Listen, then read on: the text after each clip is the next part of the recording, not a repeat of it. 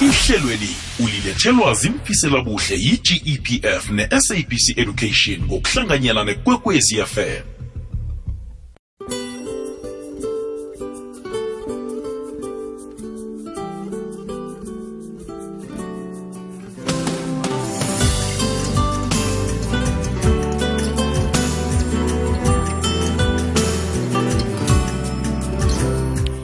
ikwekwezi FM kukhanya ba siyakulotshisa siyakwamukela mlaleli ndambama namhlanje sekungelesine sithokoza kakhulu kwamambala ukusihlangabeza.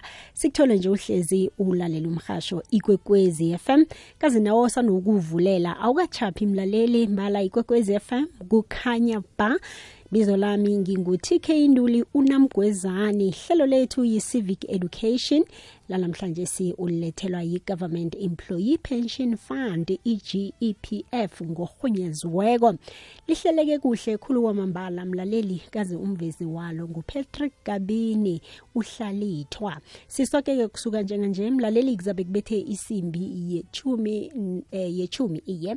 Siphathele lona ihlelo lethu lanamhlanje sila sitshetshe khona isihloko eh, eh, amachuguluko womthetho wesahlukaniso so ngiwo-ke eh, isihloko sizabe sisithinda namhlanje. Sike kuthi kusenjalo mlaleli nawe sikuphe ithuba lokubuza umbuzo nanyana-ke uveze wakho umbono ngesihloko lesi esisiphetheko kanti-ke emtatweni sikhona isithekeli sethu baba ukfas silolo ovela khona le kwa-gpf kazimthindanisi omkhulu wamaklayenti lapha-ke ku-region yempumalanga. Hlala ubeka indlebe mlaleli kokwezi FM lingakuphundi ihlelo lethu. Baba usilolo ngiyakwamukela ngiyakulotshisa emhashweni kokwezi FM Ah, sithike ngiyakuthokoza ngilotshise kuwe phinde futhi ngilotshise nakumlaleli wekwekwezela.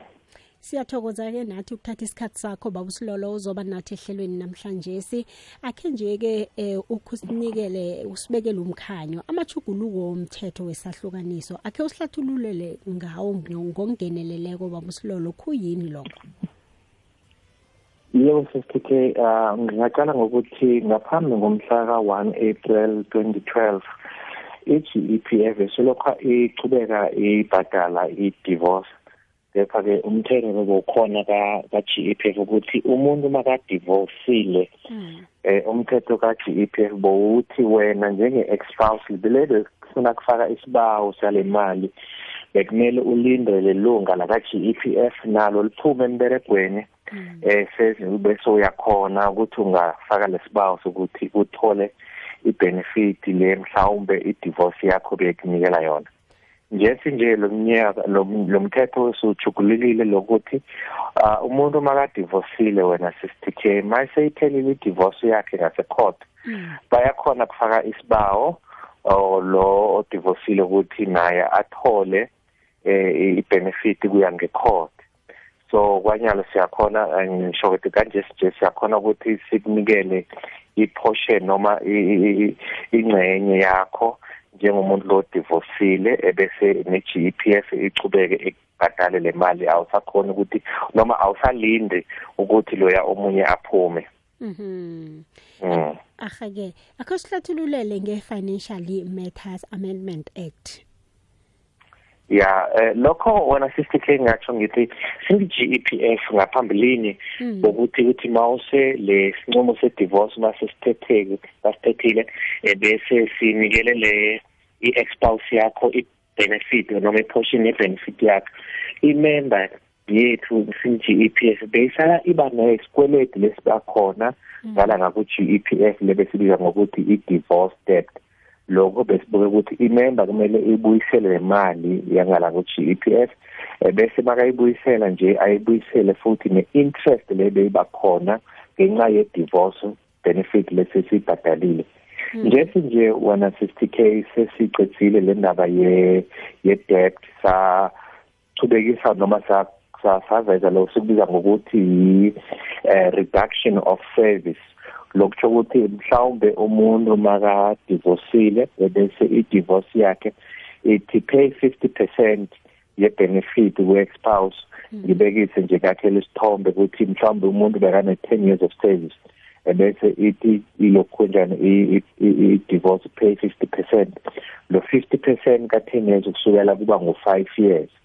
So singe-GEPF sizothatha i or noma sizokhipha i5 years kule pension yakho yeminyaka loyibe loyicontributile ngalap fund.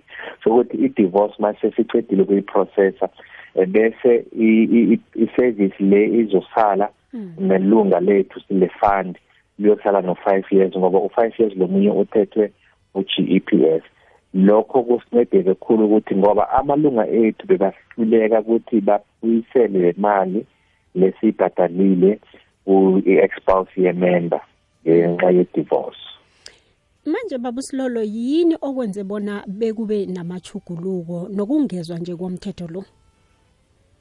Amachuguluko alabe khona wena sistithi siqale ngala ku-divorce qala ukuthi eh lokho bekuhlupha ukuthi umuntu makadivorcile bese uyalinda eh ukuthi ilunga liphume. Labanye wena 60k bayadivorce labanye bayemele balinde iminyaka endlula ku20 years ngoba umuntu athi eh mina so lokho ngizochubeka ne-GPF ngize ngiyoretire so lokho bekuhlupha kakhulu ngoba labanye bagcina sebabhubhile bangayitholanga le benefit yaka GEPF kwesibili lokuchugulula lomthetho we-financial implication kuloku ukuthi wena sisithike ngoba lesikweleti umuntu makanaso lapha ka-GEPF siyachubeka siyakhula ngoba le mali ifakwa ama-interest. So sibonile ukuthi amalunga ethu bayahluleka ubhadala lesikweleti sabona ukuthi uqakatheke kakhulu ukuthi sisikhiphe lesikweleti si-introduce leso esikubiza ngokuthi i-reduction of service ukuthi amamembara ethu nawo achubeke akhona ukuthi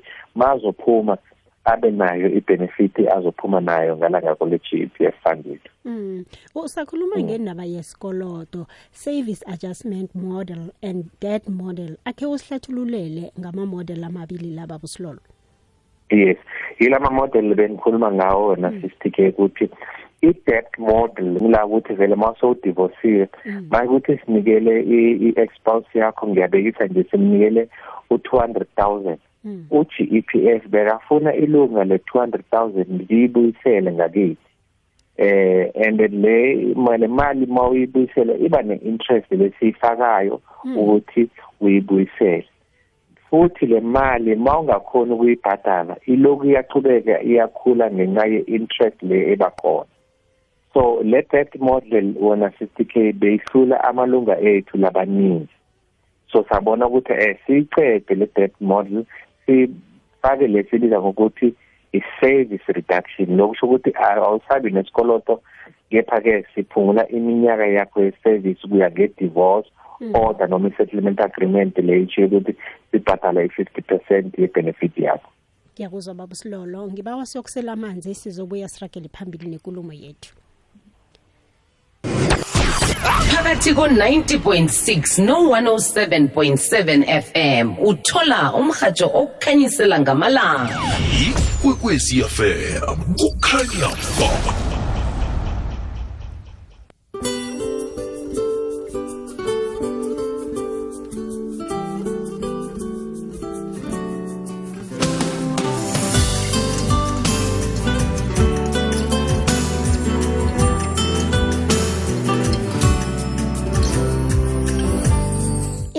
nebunane imizuzu ngaphambi bona kubethe isimbi yechumi usalalela umhasho ikwekwezi fm kukhanya ba lihlelo lethu le-government employee pension fund nokulihlelo lezefundo mlalele kwekwezi fm hlezi nami thokozani nduli unamgwezani siraganalo njalo-ke mlaleli kokwezi fm namhlanje sike sitsheje isihloko esicakatheke khulu kwamambala nawe ungazibandakanya ngokuthi usidosele umtato nanyana ugadangise iphimbo lakho.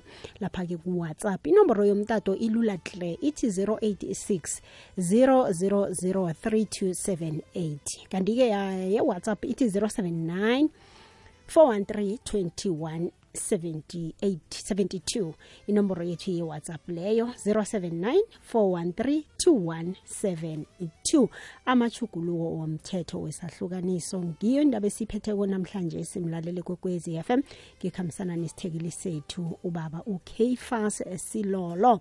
Baba silolo thokoze khulu kwamambala ukusibambela.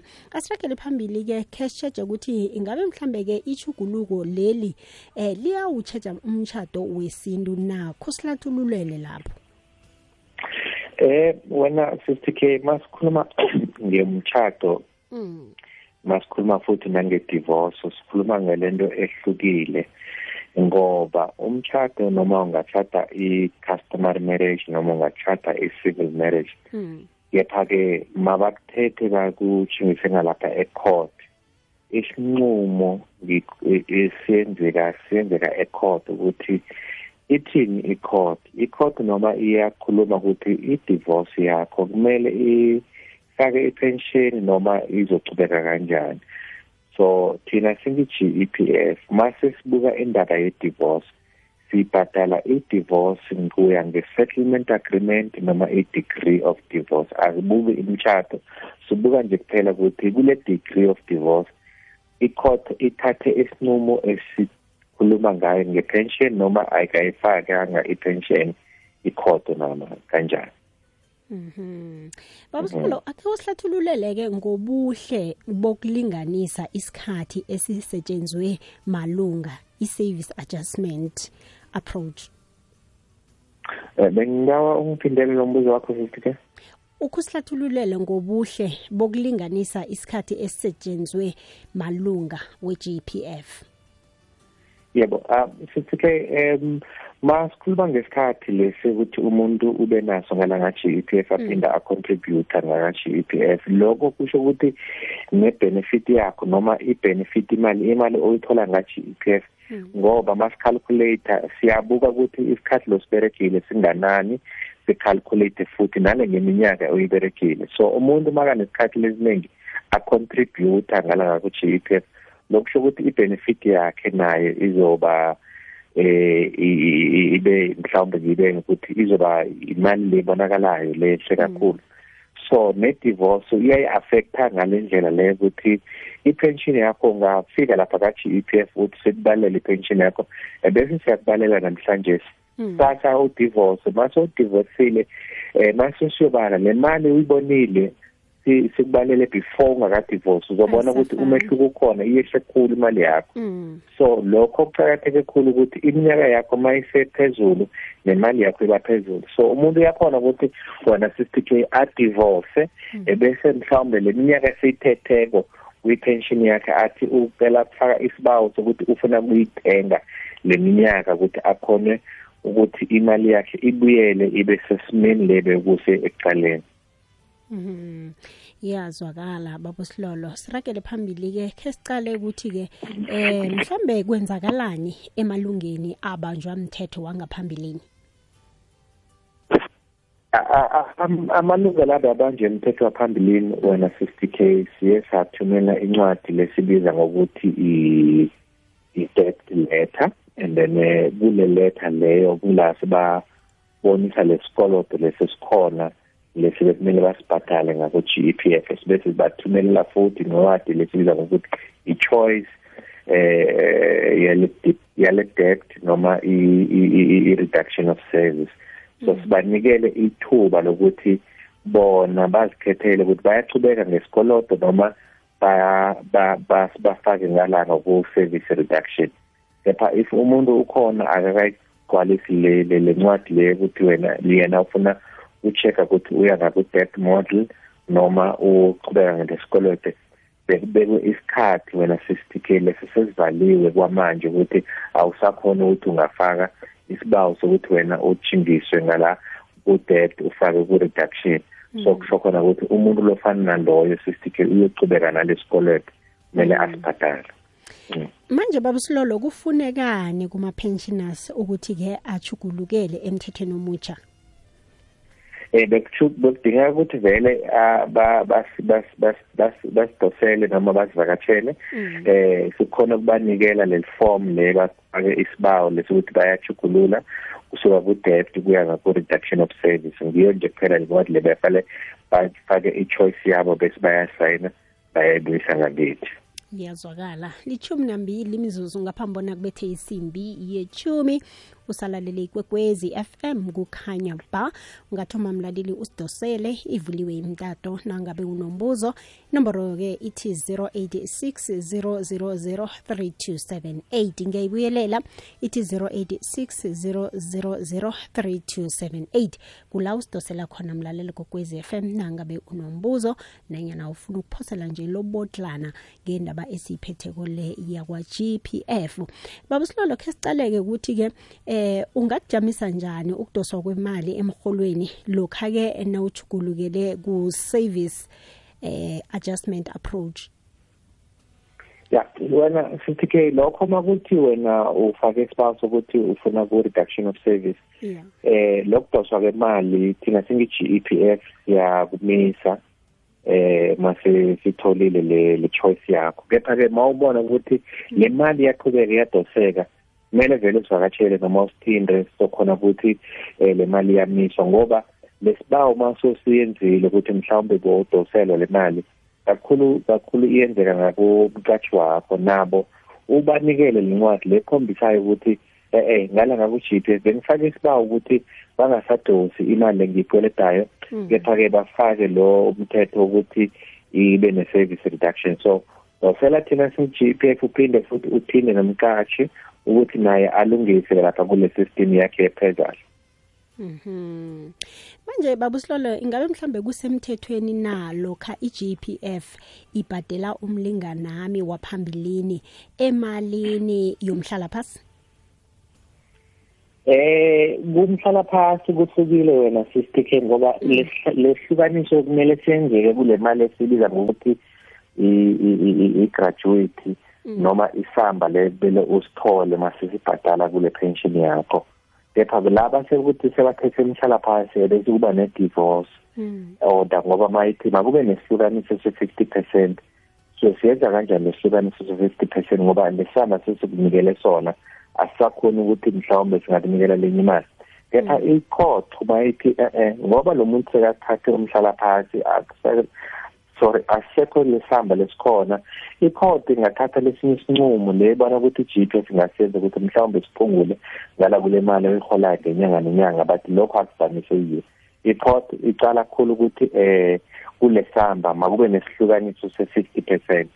Kepha mase thina isimali sesiyibhadalile siyayibhalela i-court ukuthi eh, i-fifty percent asisanayo ngoba lo muntu simnikele imali yakhe yonke makathatha lo mhlala phansi kanje sinje siyamholela ngenyanga ngenyanga lehlukanisa asisali khona. I-court ngiyo izobuya ngakithi ngaku-GPF ifake lesinye siba ukuthi singayenza kanjani ukuthi mhlawumbe kutholakale le mali ye-divorce kulo lunga likhona lithethe mhlala phasi Asiyokusela amanzi ke godu babusilolo sizokuya siragele phambili nenkulumo yethu. Mlaleli kokwezi FM nasibuya kusizabe sisamukela umtatu wakho ku 0860003278 ku 0794132172 kula ugadangisa iphimbo lakho ku WhatsApp uveze umbono wakho nanyana umbuzo wakho khona ubaba usilolo uza kuphendula siyabuya. Ithando lihle. Ithando limnandi. Ithando liyabekezela. Ithando alilimazi. Ithando liyathandeka. Thanda uthandwe. Leli lithando lekwekwezi fm hashtag sirhatha ithando usalalela umhasho ikwekwezi fm kukhanya ba. Siyakulotshisa siyakwamukela mlaleli nosanda ukuvulela umhatsho siyathokoza ukuthi ukhethe thina nangalesi sikhathi sobusuku. Siraga njalo-ke njenganje nehlelo lethu le-gpf sesizolisonga-ke mlaleli kwekwezi fm sidosela ku-086 0003278 nangabe unombuzo. Babusilolo ngiba wakhe sibadobhe emtatweni. Ikwekwezi siyakwamukela yeje njani? Siyavuka ninjani baba? Ah nakhona sinizwa kuhle.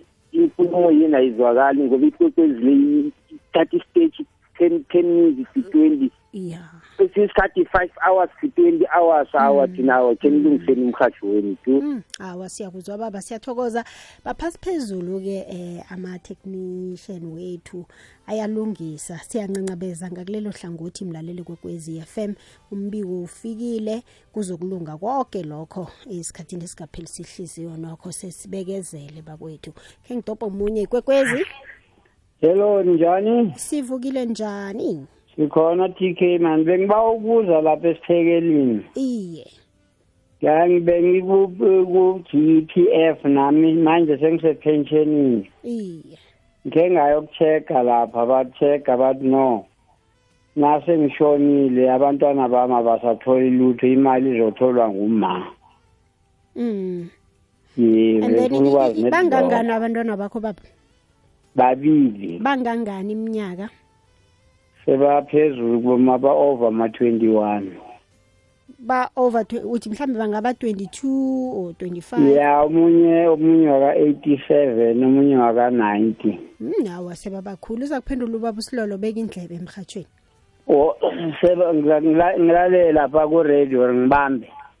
Okay baba usilolo unombuzo mhlambe kubaba? Hawu baba ngalalela kwi-radio wena? Okay. Ya beka indlebe lapha ku-radio. Emhathweni uza kuphendula usilolo. Ungamphendula baba usilolo?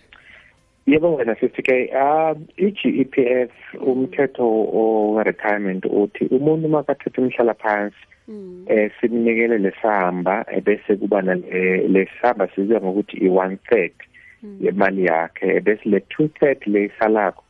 Eh i- i- ibhadaleka njenge umholo wenyanga nenyanga lesikubiza ngokuthi i-monthly pension. Kuyo le monthly pension wena 60k igarantiwa for 5 years ukuthi iminyaka lemihlanu umuntu makathi usaqhubeka uyaphila le mali sizokunikela yona. Kepha-ke bangatshona le 5 years ingakapheli le balance lesalako ngiyo lesito ezizoyinikela ama-beneficiaries la khona ukuthi mhlawumbe umuntu unominate abantwana bakhe siyabanikela kepha-ke umuntu makasaholile le mali sewendlulile iminyaka lengu-five akusabi nale balance le bakhona 60k lokhu kuzokwenzeka kuphela ukuthi makuthi uchadile nomlingani makatshona le pension yakhe bese siguculela la kulo mlingani wakhe kuphela ngiyo umuntu noma ngiyo i-benefit lesasele ezobhadaleka kuphela. Abantwana abasaqualify ukuthi i-five year period noma i-five year balance isuka seyiphelile.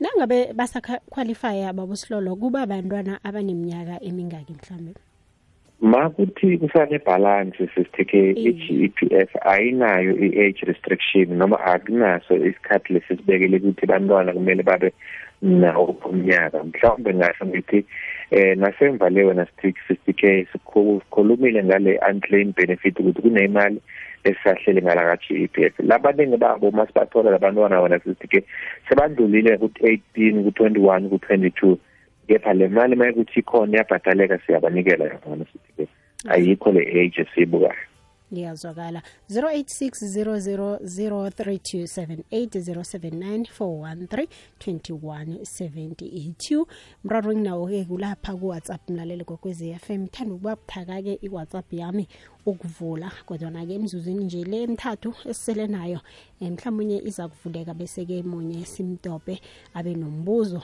awubuzako endabeni esiyiphetheko. Namhlanje siya kwa-gpf la ngikhambisana khona-ke nobaba usilolo ovela khona lapha kwa-gpf ukhumbule ukuthi mthintanisi omkhulu wamaklayenti khona le kwa-gepf sirakela phambili-ke baba usilolo um khe sicale ukuthi mhlambe um i-gpf iya ifanele ithole mhlambe ke imvumo kimi ukubhadela mhlambe umlingani wangaphambilini emalini yami yomhlala phasi eh kuyi-divorce wena 60k i- njengoba ngishilo ngithi isinqumo se-divorce siqala ecourt ebese icourt mayithethe isinqumo ukuthi thina si-GEPF sibhadale eh asidingi wena mhlawumbe even njengelunga ukuthi sifake nesibawo kuwe thina sihlonipha ikhotho ngoba ikhotho ngiyo esiphetheko ukuthi mabathi sibhadale siyaqhubeka kuya ngendlela le court efuna ngakhona ukuthi sibhadale. Angeke sikuphinde njengeluka ngoba siyacabanga ukuthi uma kube ne-divorce eh noma umuntu makadivorce ma kuphuma le degree of divorce noma i-settlement agreement eh nalelunga nalo bamnikela icopy yakhe ye-divorce ukuthi azi ukuthi kwenzakalani emva kokuthi i-divorce yakhe seyiphelile senjengoba uyazi ukuthi naye unayo icopy makayifundile izothola icopy ukuthi kune-pension bekumele ibhadaleke kulo mlingane wakhe Mhm. Baba Silolo asivale njenganje nabafuna isizo balithola kuphi? eh bangasidosela umtato 60k inomboro yethu ithi 0800 117 669 ngibuyelele ithi 0800 117 669 noma bangasibhalela ne-email. Email yethu ithi inquiries at gepf.co.za inquiries at gepf.co.za eh futhi sinamahhovisi eh, all over eh, eh, la e-country in South Africa. Sinale office eMpumalanga sinale office ePretoria bangavakatshela noma awaphi ama-office ethu ukuthi bakhona ukuthola eh, usizo abalidingayo. Ahake baba Silolo sithokoze khulu kwamambala ngehlathululo yonke osiphe yona nesikhathi nje sakho ube nobusuku obuhle. ngithokoze kakhulu sisitike nawe futhi. Ahake ngiyathokoza. Khumbula mlalelo kokwezi FM iGPF inama regional client service center. Kizo zolithoba imfunda zesolar Africa pha eh kanye nama satellite office alikhomba enzelwe indingo zakho mlaleli. Ukuthola ilwazi elingeneleleko iGPF inenomboro ezasimahla ezithi 0800 117669 kwaphela nawudosela inomboro le kwenye nenye ifoni ye-telcom ungathumela i-email mlaleli ku-inquiries at gepf co za nanyana utshinge kuwebsite yabo www gpf co za itwitter handle yona ithi at gpf underscore sa silibeka lapha namhlanje sike ihlelo olulethelwa i-government employee pension fund. Ahlangane godu umlaleli iveke zako. Njenganje ngithiya nomindlo love umakhuthalelo ezimfaneleko ehlelweni sizigedlile mina utk nduli unamgwezani ngikhambile. Ihlelweli bewulethelwa zimfisela buhle yi-gepf ipentsheni yabasebenzi bombuso ne-sabc education ngokubambisana nekwekwezi fm